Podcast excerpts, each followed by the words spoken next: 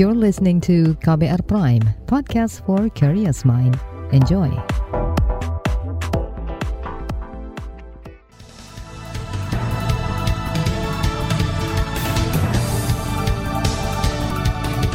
Selamat pagi saudara, senang sekali kami bisa menjumpai Anda melalui program Buletin Pagi edisi Jumat 18 November 2022. Bersama saya Naomi Liandra, sejumlah informasi pilihan telah kami siapkan, di antaranya pemerintah diminta perjelas arah pembangunan pemekaran Papua. Empat korporasi jadi tersangka kasus ginjal akut. Kabupaten Serdang berbedagai sumut siaga darurat banjir. Inilah Buletin Pagi selengkapnya terbaru di Buletin Pagi. Saudara DPR mengesahkan rancangan Undang-Undang RUU Pembentukan Provinsi Papua Barat Daya menjadi undang-undang. Pemekaran itu disahkan dalam rapat paripurna yang dipimpin Ketua DPR Puan Maharani kemarin. Sidang Dewan yang kami hormati, hadirin yang kami muliakan, Selanjutnya kami akan menanyakan sekali lagi kepada seluruh anggota apakah rancangan undang-undang tentang pembentukan Provinsi Papua Barat Daya dapat disetujui dan disahkan menjadi undang-undang. Setuju. Pemekaran ini menyusul tiga daerah otonomi baru DOB Papua yang disahkan pada akhir Juni lalu. Ketiganya yakni Provinsi Papua Selatan, Papua Tengah, dan Papua Pegunungan. Puan mengatakan infrastruktur di Papua harus segera dikembangkan, sehingga indeks pembangunan manusia di bumi cendrawasih bisa lebih maju.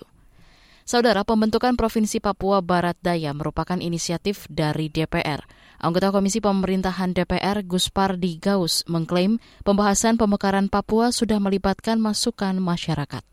Kemudian tanggal 5 September tahun 2022, Panja Komisi 2 DPR RI melakukan rapat dengan pendapat umum dengan pejabat Gubernur Papua Barat, DPR Papua Barat, Majelis Rakyat Papua Barat serta beberapa bupati dalam rangka menerima aspirasi terkait pembahasan RUU tentang pembentukan Provinsi Papua Barat Daya.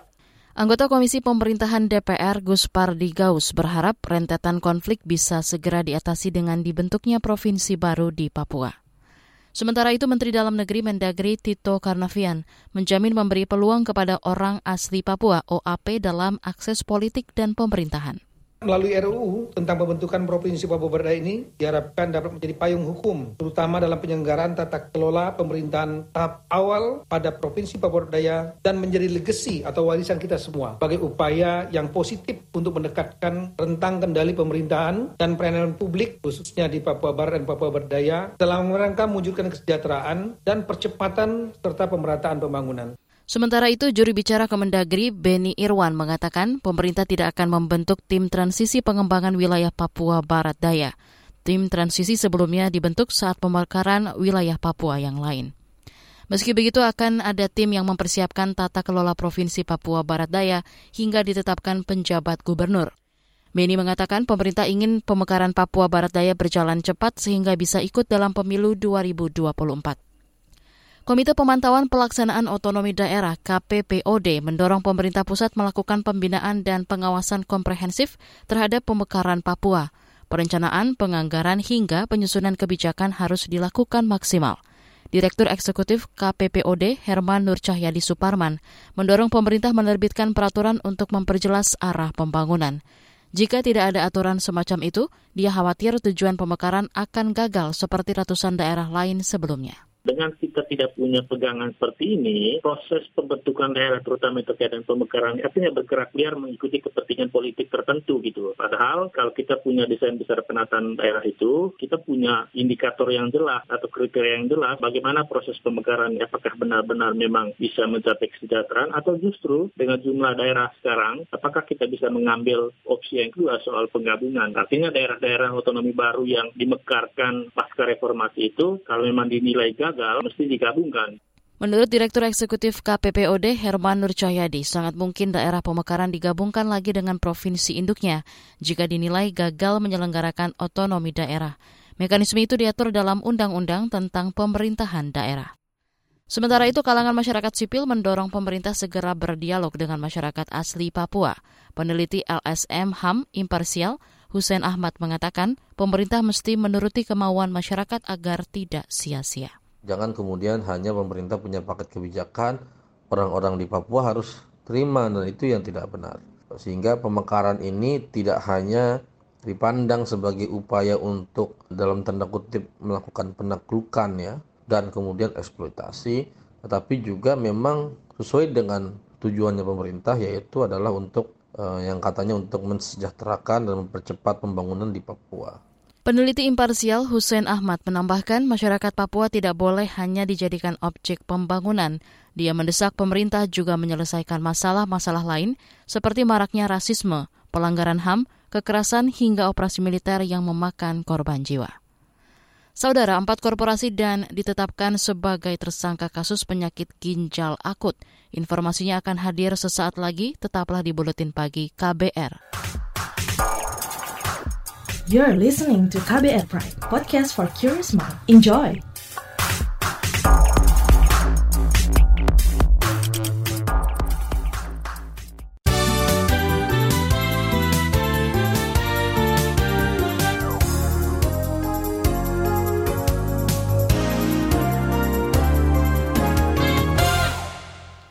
Saudara Presiden Joko Widodo bakal menghadiri konferensi tingkat tinggi KTT Kerjasama Ekonomi Asia Pasifik APEC tahun 2022 di Thailand. Rombongan Presiden berangkat dari Bandara Internasional I Gusti Ngurah Rai Bali menuju Krung Thep Manaknakon, nama baru kota Bangkok kemarin. Dalam KTT tersebut, Indonesia akan mendorong pemulihan ekonomi yang inklusif dan berkelanjutan. Prinsipnya, leave no one behind dan transformasi digital, ekonomi hijau, dan hilirisasi menjadi prioritas Indonesia di APEC tahun ini. Presiden Jokowi mengatakan APEC harus terus menjadi mesin pertumbuhan ekonomi di Asia Pasifik, sebab APEC mewakili hampir 3 miliar penduduk dunia dan 60 persen produk domestik bruto dunia. Sebelum berangkat ke Thailand, Jokowi meninjau harga komoditas di Pasar Badung, Bali. Jokowi mengatakan ingin mendengar kondisi harga di pasaran serta tantangan yang dihadapi para pedagang. Beralih ke informasi hukum, polisi menetapkan dua korporasi sebagai tersangka kasus penyakit ginjal akut. Keduanya adalah PT Avi Farma dan pemasok bahan baku obat CV Samudra Chemical.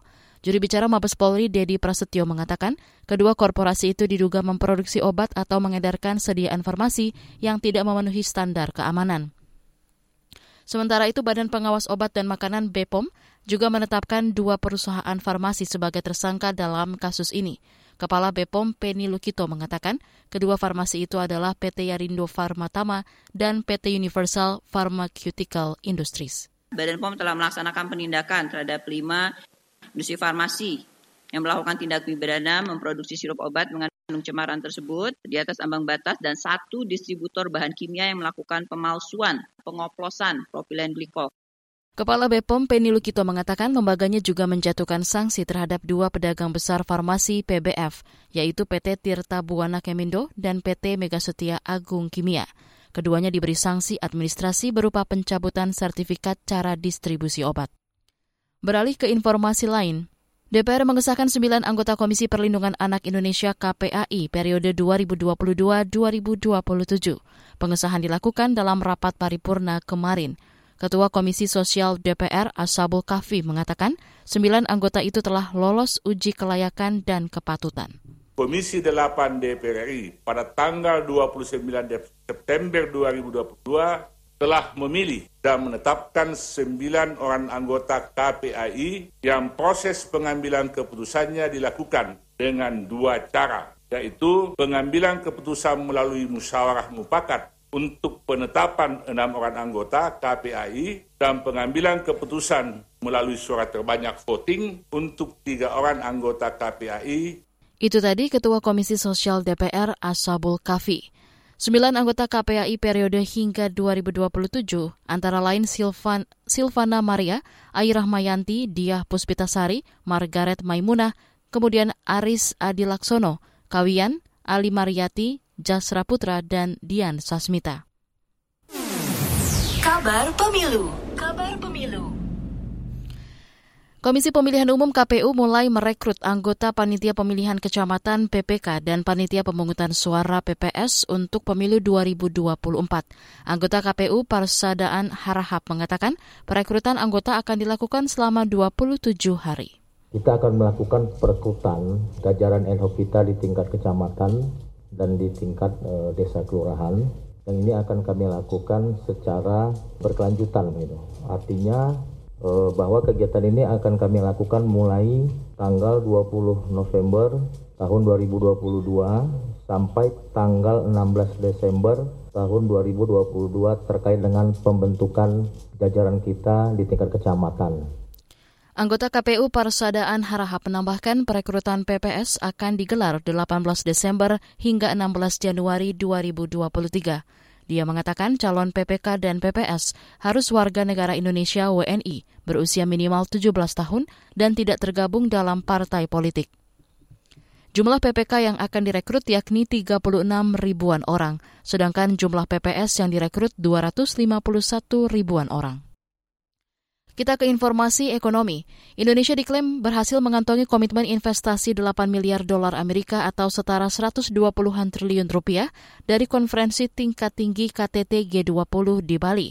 Klaim itu disampaikan Menteri Investasi Kepala Badan Koordinasi Penanaman Modal BKPM Bahlil Lahadalia kemarin. Dikutip dari Antara, Bahlil memperkirakan angka itu akan meningkat sebab masih ada kesepakatan yang belum resmi diteken. Komitmen investasi yang sudah diterima Indonesia berasal dari Korea Selatan, Tiongkok, dan beberapa negara Eropa. Masih soal ekonomi, Bank Indonesia menaikkan suku bunga acuan sebesar 50 basis poin menjadi 5,25 persen. Gubernur BI Periwarjio mengatakan suku bunga deposit facility juga naik sebesar 50 basis poin menjadi 4,5 persen. Suku bunga lending facility juga naik sebesar 50 basis poin menjadi 6 persen. Keputusan kenaikan suku bunga tersebut sebagai langkah lanjutan secara front-loaded, preemptive, dan forward-looking untuk menurunkan ekspektasi inflasi yang saat ini masih tinggi dan memastikan inflasi inti ke depan kembali ke dalam sasaran 3 plus minus 1 persen lebih awal yaitu pada paruh pertama 2023. Gubernur BI Periwarjo menambahkan kenaikan suku bunga acuan dilakukan untuk memperkuat kebijakan stabilisasi nilai tukar rupiah. Kata dia, Bank Indonesia juga terus memperkuat respons bauran kebijakan untuk menjaga stabilitas dan momentum pemulihan ekonomi. Beralih ke berita mancanegara, Partai Republik merebut kendali di Dewan Perwakilan Rakyat DPR Amerika Serikat. Seperti dilansir BBC, Partai Republik berhasil meraih 218 kursi atau mayoritas di majelis. Dengan kemenangan tersebut, Partai Republik berpeluang menempatkan Kevin McCarthy sebagai ketua DPR, menggusur Nancy Pelosi dari Demokrat. Sementara itu, Partai Demokrat berhasil mempertahankan suara mayoritas di Senat. Akhir pekan lalu mereka merebut kursi ke-50 majelis yang beranggotakan 100 orang tersebut. Kita ke informasi selanjutnya. Kementerian Luar Negeri Cina membantah Presiden Xi Jinping mengkritik Perdana Menteri Kanada Justin Trudeau di sela KTT G20 di Bali. Dilansir dari Reuters, juru bicara Kemenlu China, Mao Ning, mengatakan Beijing mendukung pertukaran informasi yang jujur atas dasar kesetaraan. Kata dia, China berharap Kanada akan mengambil tindakan untuk meningkatkan hubungan bilateral. Dalam sebuah video yang beredar, Presiden China Xi Jinping disebut menegur Justin karena isi pembicaraannya dengan PM Kanada itu bocor ke media. Xi menyebut hal itu tidak pantas. Beralih ke berita olahraga. Pemain bola Jordi Amat dari Spanyol dan Sandy Walsh dari Belanda resmi menjadi warga negara Indonesia, WNI. Kepastian ini didapat setelah keduanya mengucap sumpah di kantor wilayah Kanwil Kemenkumham Jakarta kemarin. Proses naturalisasi Jordi Amat dan Sandy Walsh merupakan permintaan pelatih timnas Indonesia, Shin Taeyong. Keduanya direncanakan dapat bermain di Piala AFF 2022 dan Piala Asia 2023 mendatang. Di bagian berikutnya kami hadirkan laporan khas KBR tentang KTT G20 dan Komitmen Ekonomi Hijau Indonesia. Tetaplah di Buletin Pagi KBR. You're listening to KBR Pride, podcast for curious mind. Enjoy!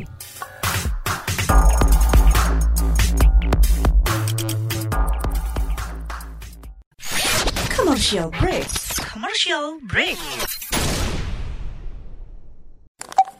Transfer ke sini udah, bayar ini juga udah. Ke gue udah. Heh, Allah, pertumbuhan ekonomi tuh lagi melambat, persis kayak tabungan gue. Betul banget. Harus matang ngelola keuangan. Pengennya tuh investasi sesuatu gitu ya. Apa gitu yang cocok dan menguntungkan? Hmm, coba dengerin uang bicara deh. Gue belakangan lagi dengerin podcast itu di KBR Prime. Reksadana yang tadinya 500 juta udah turun dari 250 juta sekarang 10 ribu. Sama kita ngopi mahalan mana? Ketika itu ada keputusan yang kayak begitu investor harus tahu gitu oh ada keputusan ini berarti implikasinya apa? Orang mungkin perluas literasi kamu lewat podcast Uang Bicara Uang Bicara menavigasi kamu dengan menghadirkan bahasan-bahasan seru dan populer mulai dari investasi sampai kebijakan dipersembahkan oleh KBR Prime dan bisa didengarkan di KBR Prime, Spotify, dan platform mendengarkan podcast lainnya. KBR Prime, podcast for curious mind.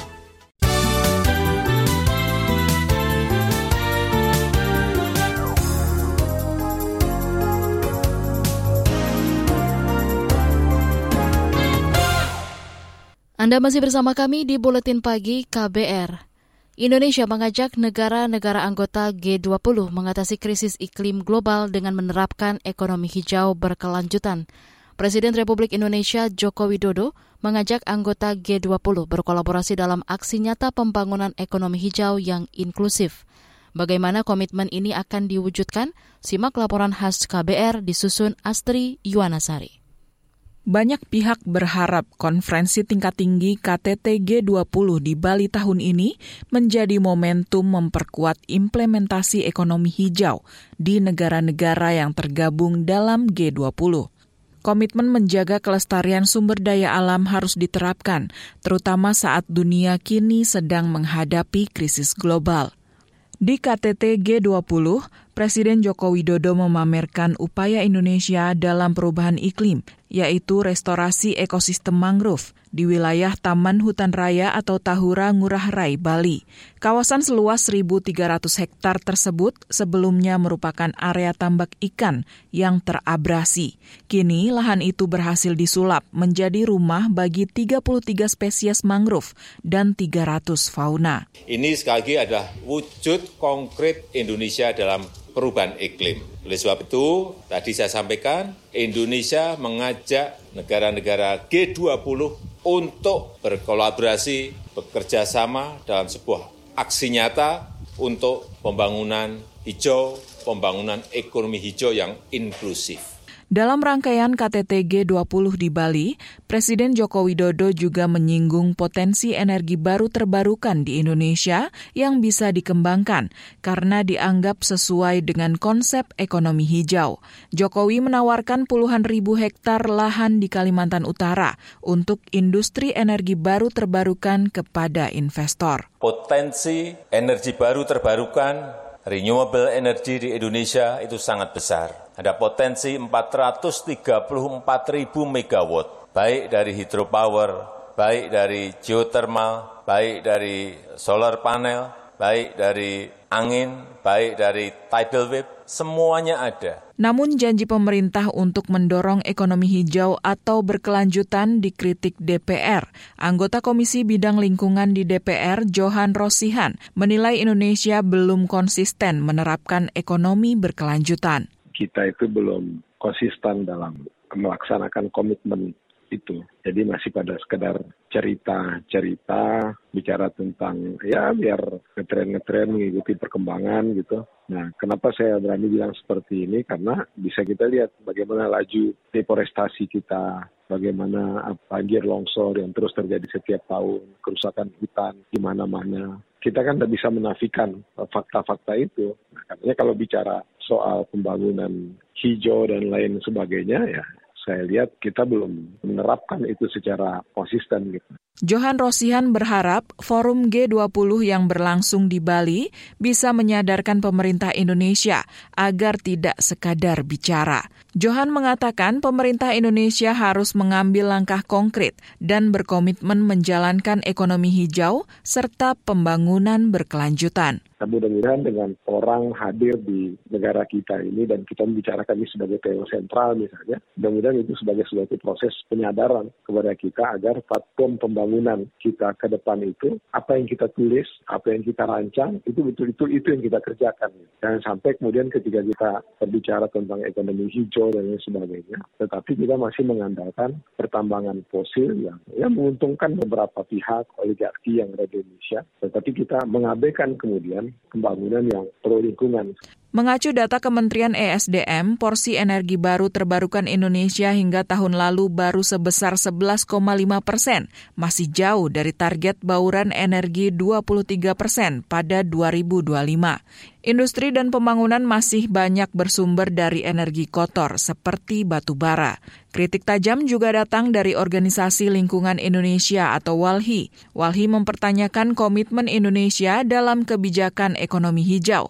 Kepala Divisi Kajian dan Hukum Lingkungan WALHI, Dewi Puspa menilai komitmen Indonesia untuk menjalankan ekonomi berkelanjutan tidak konsisten dan belum bersungguh-sungguh. Nah ini kita bisa melihat ya dengan izin-izin konsesi yang diberikan, kemudian penggunaan energi fosil yang itu juga masih menjadi salah satu uh, fokus pemerintah Indonesia. Aktivis Walhi Indonesia Dewi Puspa mengatakan melalui forum KTT G20, pemerintah Indonesia semestinya bisa fokus pada pertanggungjawaban negara-negara industri ataupun korporasi terhadap krisis ekologi dan krisis iklim yang terjadi. Menurutnya, saat ini yang selalu didengungkan pemerintah dan negara maju lebih banyak solusi palsu yang tidak bisa menjawab krisis multidimensi yang sedang terjadi. Demikian laporan khas KBR, saya Astri Yuwanasari. Informasi dari berbagai daerah akan hadir usai jeda. Tetaplah bersama Buletin Pagi KBR. You're listening to KBR Pride, podcast for curious mind. Enjoy!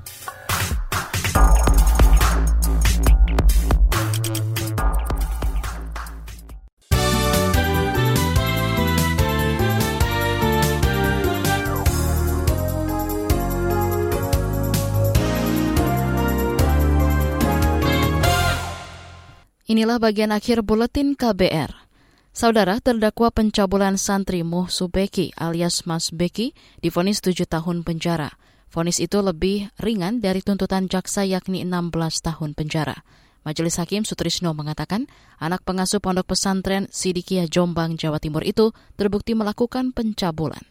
Bukti terasa ternyata kesalahan kalau tidak pidana melakukan perbuatan yang menyerang kehormatan kesusilaan Fonis dibacakan di Pengadilan Negeri Surabaya kemarin. Usai fonis dibacakan, pendukung Subeki tak terima dan berteriak-teriak di ruang sidang. Subeki dilaporkan ke Polres Jombang atas kasus pemerkosaan dan pencabulan santri pada Oktober 2019. Kita ke Jawa Timur. Pendukung klub sepak bola Arema, Aremania melakukan gerakan kirim surat ke Presiden Joko Widodo. Mereka berharap Presiden turut mengawasi proses hukum tragedi Kanjuruhan. Perwakilan Aremania, Firman, menilai proses hukum belum memberikan keadilan bagi korban. Keresahan-keresahan kita yang apa ya, nggak ada jawaban selama ini kita sampaikan ke Presiden lewat tulisan tangan. Mungkin teman-teman yang nggak bisa teriak-teriak, nggak bisa ngomong, bisa ngomong lewat surat. Harapannya ya Presiden ikut-ikut mengawal kasus ini. Jadi nggak hanya dia datang ke sini secara apa ya, secara simbolik, tapi juga ikut mengawasi lah kasusnya. Ratusan Aremania mengirim surat tersebut lewat kantor pos besar Malang. Aremania akan memantau perkembangan pengiriman surat supaya benar-benar diterima Presiden Jokowi. Tragedi Kanjuruhan pada 1 Oktober lalu menewaskan 135 orang. Sejauh ini polisi telah menetapkan enam tersangka. Kita ke Yogyakarta. Pemerintah Provinsi Daerah Istimewa Yogyakarta DIY memberikan subsidi biaya transportasi bagi distributor bahan pokok. Subsidi diberikan sebesar Rp2.000 per kilogram untuk semua komoditas pangan. Gubernur DIY Sri Sultan Hamengku Buwono X mengatakan subsidi diberikan untuk mengendalikan harga pangan menjelang Natal dan Tahun Baru. Sementara itu, Kepala Dinas Perdagangan DIY Syam Arjayanti menjelaskan total bantuan sebesar 1,95 miliar rupiah dari APBD. Subsidi disalurkan langsung kepada distributor besar. Informasi tadi menutup jumpa kita di Buletin Pagi hari ini. Pantau juga informasi terbaru melalui kabar baru, situs kbr.id, Twitter kami di akun @beritaKBR, serta podcast di alamat kbrprime.id. Akhirnya saya, Naomi Liandra, bersama tim yang bertugas undur diri. Salam.